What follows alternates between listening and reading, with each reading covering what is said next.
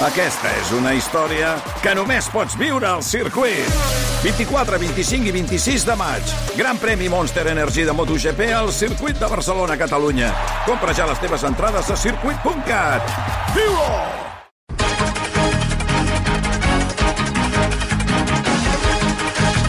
Hora, com sempre, comencem la lectura de la premsa en diagonal. Marc Segués, bon dia. Bon dia. Anna Alfonso, bon dia. Bon dia. Sergi Ambudia, bon dia. Bon dia. La desfeta del PSOE a les eleccions de Galícia és el gran tema del dia d'avui als diaris. A Madrid, els mitjans tenen molt clar quin és el gran responsable. Pedro Sánchez. Aquí li toquen el crostó pels seus pactes amb l'independentisme. Sí, Luis María Ansón a La Razón lamente que Sánchez no dimitirà ni convocarà eleccions tal com marquen les normes democràtiques i anime que Núñez Feijó s'esforci a organitzar una moció de censura com a única via per expulsar-lo. L'editorial del Mundo argumenta que la mimetització de Sánchez amb el nacionalisme compromet l'estabilitat de l'Estat. Iñaki Ellacuria conclou les eleccions gallegues constaten una similitud més amb Trump. Els dos estan destrossant els partits que diuen representar. L'ABC, a l'editorial, critica a Pedro Sánchez per renunciar a l'autocrítica i persistir en mantenir un rumb que li està fent perdre gran part del poder. I Alberto García Reyes remata Galícia ha tornat a demostrar que el sanchisme guanya el relat i el PP les eleccions. El país analitza que el PSOE ha tornat a demostrar la seva dificultat per consolidar lideratges autonòmics quan perd el poder i toca el crostó a Sánchez, però també a Yolanda Díaz per la falta d'autocrítica i els inste a un canvi d'estratègia. I en la mateixa línia, Esther Palomera, al diari Oponés, lamenta que la direcció socialista es posi una vena als ulls per evitar analitzar en profunditat si convé seguir cedint a l'independentisme català. I, mentrestant, eh, els diaris catalans creuen que la llei d'amnistia no ha estat el que ha fet descarrilar els socialistes a Galícia i apunten aquest matí altres motius de la desfeta. Ah, Exacte, a la Vanguardia, José María Lasalle conclou, Feijó va guanyar amb contundència i Sánchez va perdre sense pal·liatius.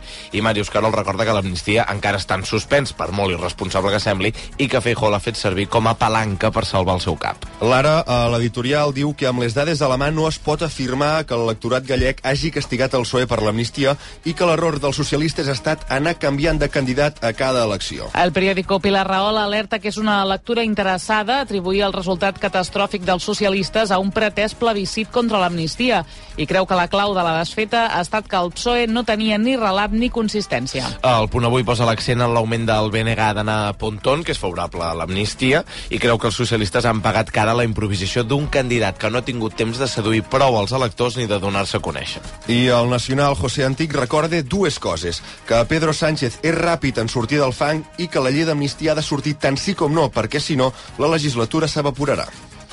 Quina carta el director ens ha cridat aquest matí l'atenció? Doncs l'ha canviat Estanis Navarro a La Vanguardia. Explica que el seu pare va morir fa un any i que ell va donar de baixa tots els subministraments. Des de llavors, però, ha rebut un munt de trucades d'empreses que li fan ofertes d'electricitat, tot i avisar que l'home és mort i continuen trucant-li. I afegeix, alguns em demanen disculpes, però n'hi va haver un que em va deixar anar que, com que el meu pare s'havia mort, em feia l'oferta a mi, sense comentaris. Jesús. I qui invoca avui Jorge Fernández Díaz del seu article de La Razón? Doncs l'exministre de l'Interior recorda la història del Francisco i la Jacinta Martos, que són dos germans, aquí, suposadament, l'any 1917 se'ls va aparèixer la Verge de Fàtima.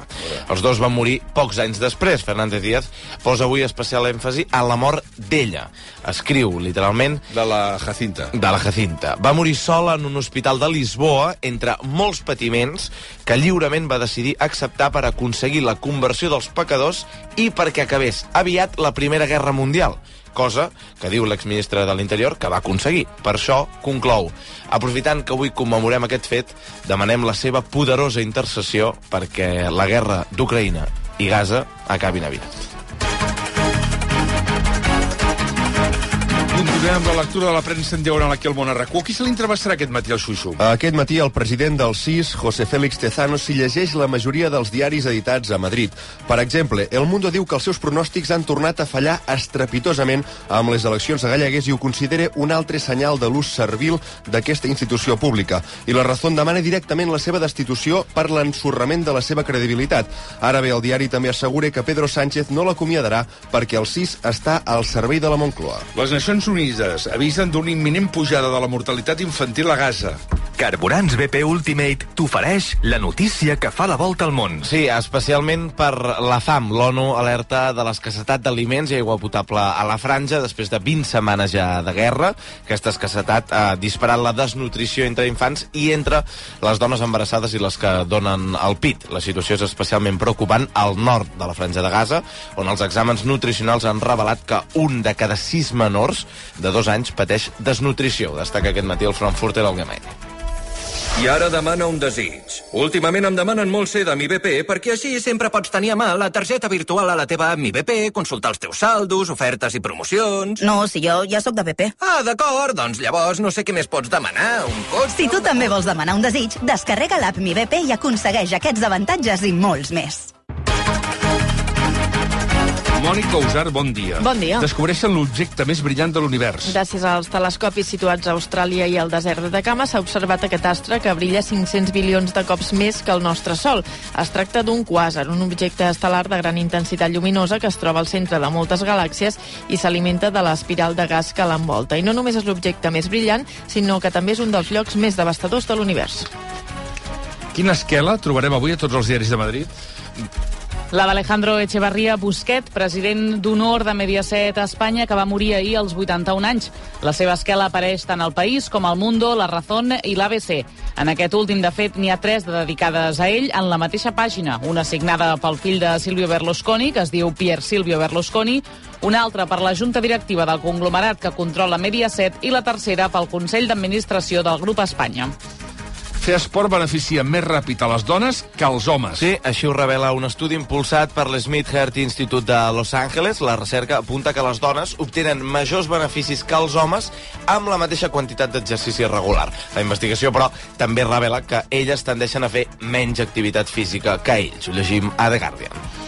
I Microsoft invertirà gairebé 2.000 milions d'euros a Espanya per impulsar la intel·ligència artificial. Santanderesmusic.com t'ofereix la notícia econòmica. Serà durant els propers dos anys i és la inversió més gran que ha fet la multinacional a l'Estat durant els seus 37 anys d'història. La idea, tant del govern espanyol com del president de Microsoft, és posar la intel·ligència artificial a disposició de les empreses i les administracions públiques, com ara el CNI. La multinacional té previst obrir una zona de centres de dades a la Comunitat de Madrid i també un campus a l'Aragó. Ho recullen diversos mitjans. Quan alguna cosa t'agrada molt, saltes. Salta amb el Santander a descomptes en festivals i concerts. A prevenda exclusiva d'entrades i a meet and greet amb artistes. Només per ser del Santander. Viu la cultura i el millor contingut musical a santanderesmusic.com. Salta amb el Santander. Santander, per tu, els primers. Ens ha sortit a TikTok a tres quarts tocats de vuit al matí? Un treball de classe. Hola, clase. Nosotros estamos haciendo unas galletas. En concret de l'assignatura de castellà, i com haureu deduït, són dues noies estrangeres que han de cuinar unes galetes. Primero no olvides lavar los manos. Luego precaliente el horno a la 350 grados. El vídeo s'està viralitzant moltíssim a les últimes hores. cucharadas de harina. Media cucharilla de bicarbonato de sodio. Media cucharilla de sal. Bàsicament perquè la gent el troba graciós, sobretot per l'accent d'elles, però també perquè a molta gent que ho ha posat en els comentaris del vídeo li ha recordat a un altre del mateix estil que ho va patar moltíssim fa ja uns quants anys. Ayúdame, yo tengo muchos quereres. Ayúdame. Moltíssim. Porque mi Moltíssim. casa está sucia. Segurament va ser dels primers vídeos que ho va patar d'internet aquí a l'estat espanyol. Ayúdame, yo tengo muchos quereres, que aquest setembre farà 15 anys. L'altre, el primer que hem escoltat, que ja té més de 3 milions de reproduccions, el podreu veure sencer al perfil de TikTok not barra baixa ella barra baixa lin amb doble N. Molt fàcil. Moltíssim. Premsa esportiva. Albert Pedrol, bon dia. Bon dia. Assistència sanitària. La dels metges patrocina aquesta secció. Estirar d'orelles al Girona després de perdre 3 de 2 al camp de l'Atlètic de Bilbao. El diari de Girona, Tatiana Pérez titula Penitència a la catedral. Escriu que l'equip de Mitchell ha demostrat que no és invencible quan s'ha topat amb un mes de febrer exigent i afegeix que la Lliga va ser un miratge. I coincideix Oriol Rubiró, l'esportiu, que afirma que els regals surten massa cars al Girona. A més, vaticina que les 13, 13 jornades que queden se li faran llargues Garrigues. Jordi Bufilla Lara escriu que a Girona tothom estarà enfadat perquè el que sempre havia sortit bé a Sant Mamés va sortir fatal i a Mundo Deportivo Santinolla valora la feina d'Ernesto Valverde al capdavant de l'Atlètic Club. Diu que continua un nivell de rendiment alt amb un equip jove i un model reconeixible. I quin és el nom propi de la premsa esportiva de Madrid? El de Kylian Mbappé. A la capital espanyola ja donen per fet el seu fitxatge pel Real Madrid. D'una banda, el Marc assegura que l'acord amb Florentino ja està signat, mentre que l'AS és una mica més prudent. Pel que fa als calés, el Marca diu que Mbappé començarà a cobrar 15 milions i que, anarà, i que n'acabarà cobrant 20, però que el francès s'endurà una prima de fitxatge que podria arribar als 120 milions. I la notícia fric. Ah, no, espera, espera, que abans de la notícia fric. Tanquem això. De quina asseguradora mèdica ets? Jo? De la dels metges. De la dels metges, és clar. Som de la dels metges. Assistència sanitària. Creada, gestionada, dirigida i recomanada per metges. Assistència sanitària. La dels metges. Ara sí, la notícia fric. Lloguer segur. Sempre al teu costat. Patrocina aquest espai. Jordi Saumell, bon dia. Bon dia. Un zoo de Nebraska hagut de demanar als visitants que deixin de llançar monedes als espais d'aigua després de treure 70 monedes de l'estómac d'un caiman. L'animal havia passat una revisió rutinària, però una de les proves va detectar objectes estranys a l'estómac. En total li van extreure 7 dòlars en monedes. Els veterinaris ho van relacionar immediatament amb el costum d'alguns visitants de llançar monedes a l'aigua i per això els han demanat a través de les xarxes socials que deixin de fer-ho perquè no tindran més sort i a més pot ser perjudicial per als animals. La gent llença monedes al zoo amb, amb els llocs... Del, la gent llença monedes. I això ho sabia de la Fontana i Trevi, però doncs no... a tots els espais amb aigua, moneda cap allà. Hosti, tu. On hi ha salmó aquest matí? El Washington Post que ha descobert un document que revela que l'expresident dels Estats Units, Abraham Lincoln, va indultar el besavi de l'actual president, Joe Biden.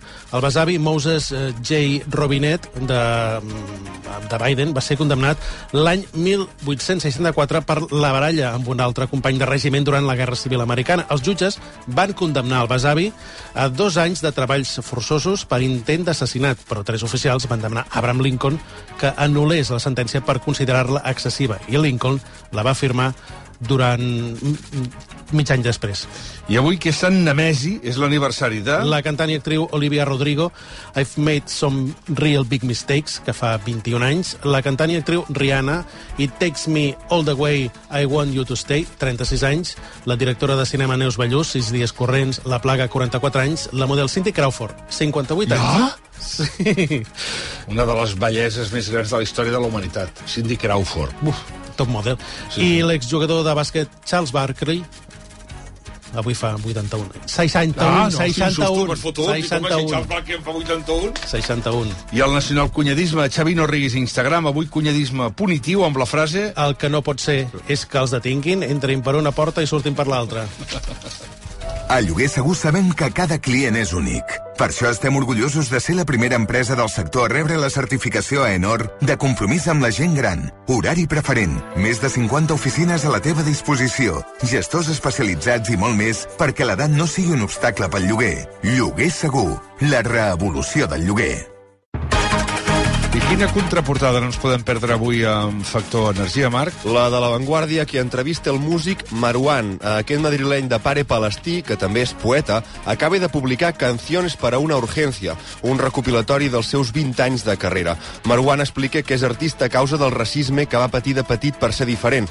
Encara més, també assegura que intenta transformar els altres amb la seva obra de la mateixa manera que a ell la música li va salvar la vida. I afegeix, el veritable artista s'obre en canal, sense pudors.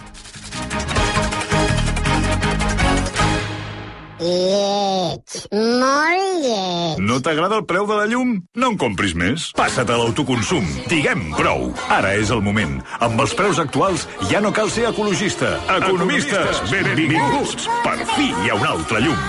Factor Energia. Empresa col·laboradora amb l'esdeveniment Barcelona Question Challenge.